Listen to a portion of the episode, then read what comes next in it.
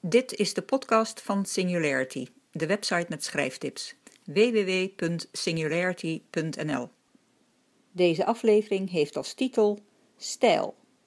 Ik wilde de titel naar de vorige aflevering wat korter houden. Wat is stijl? Volgens het woordenboek is een schrijfstijl de manier waarop de schrijver zijn of haar verhaal vertelt. Dat kan beknopt of omslachtig, eenvoudig of ingewikkeld, concreet of abstract, arrogant of bescheiden, plat of verheven, objectief of subjectief, formeel of informeel en nog veel meer of-of zijn. Stijl is je persoonlijke herkenningsmelodie. Het is je allerindividueelste expressie. Het is de hand waaraan je lezer de schrijver herkent. Het is jouw persoonlijkheid geëtst in je schrijfwerk. Jouw stijl is dus belangrijk. Voordat ik hierop doorga, even dit vooraf. Ik geef een paar keer voorbeelden, maar dat zijn plaatjes. Piet lastig in audio, dus waar ze voorkomen verwijs ik naar het artikel Stijl op de website. Terug naar de inhoud. De vraag is, hoe ontdek je je eigen stijl? Dat doe je door veel te lezen, heel veel te lezen. Liefst boeken van veel verschillende schrijvers. Boeken waar je van houdt hebben niet alleen een voor jou aantrekkelijk verhaal, maar ook een schrijfstijl die je aanspreekt.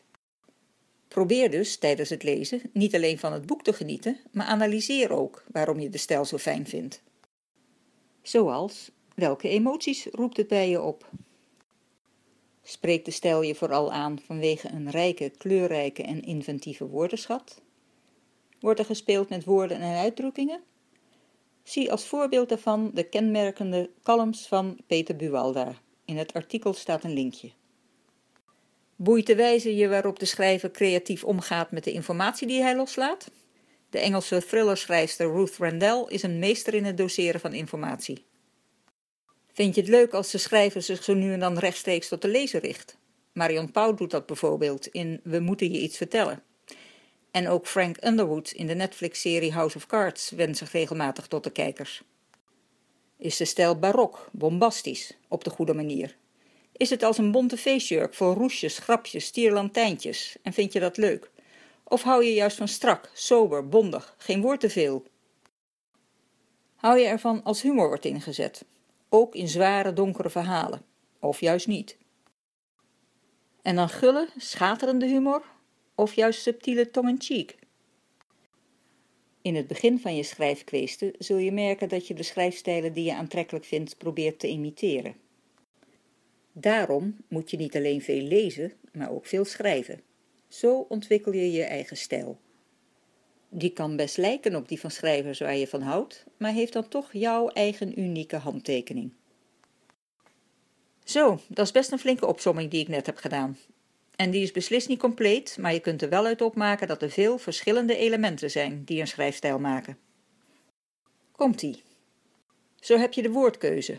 Die kan naar het formele neigen of hip zijn, uit jongere taal bestaan, of zelfverzonnen woorden en uitdrukkingen bevatten. Denk bijvoorbeeld aan Martin Toner en aan Cotton Je hebt de diverse vormen van zinsgebruik. Korte, snelle zinnen die actie en dynamiek beschrijven, dat geeft tempo. Lange, meanderende zinnen geven daarentegen juist rust. Emoties, die kun je subtiel en terughoudend beschrijven, of rauw, chaotisch, vertwijfeld.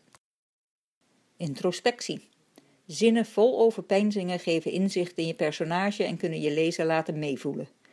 Mits goed gedaan, want anders wordt het al snel saai gejeremieer. En het beroemde tone of voice.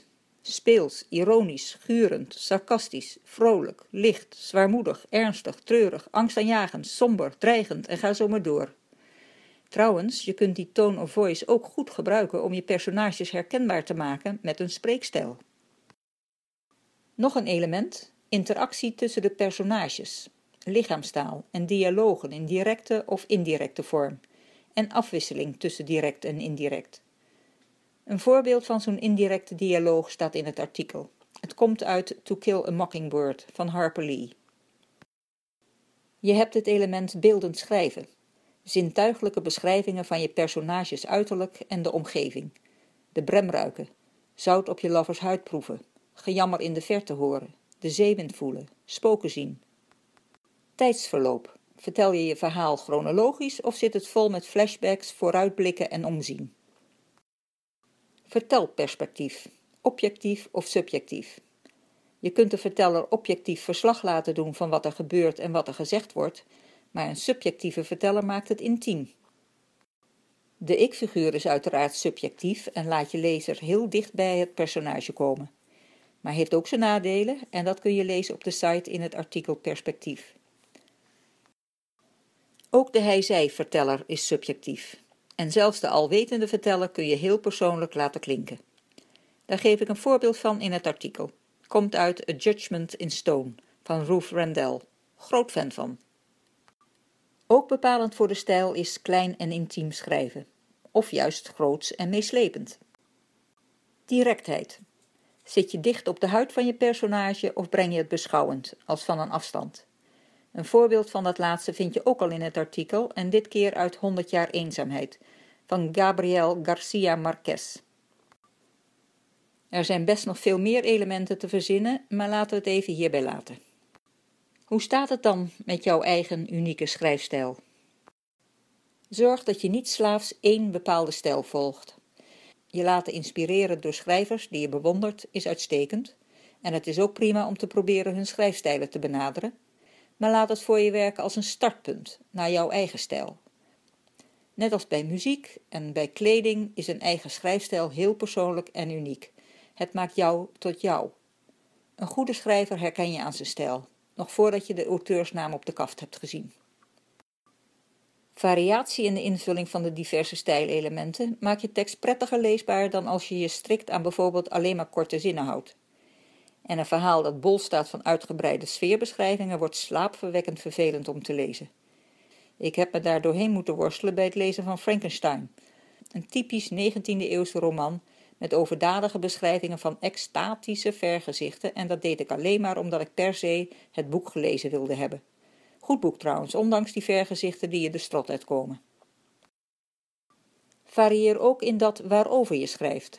Niet alleen maar dialogen, niet alleen maar achtervolgingen, niet alleen maar gesmacht naar een geliefde.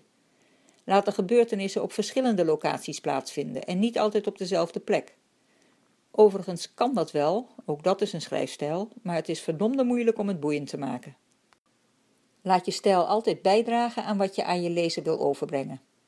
Een voorbeeld hiervan is de minutieuze beschrijving van de kleding van de hoofdpersoon en andere personages in American Psycho van Bret Easton Ellis.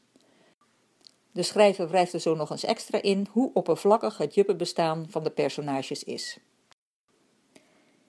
En dan is dit het einde van deze aflevering. Ik wens je veel plezier met stijlvolle schrijfsels.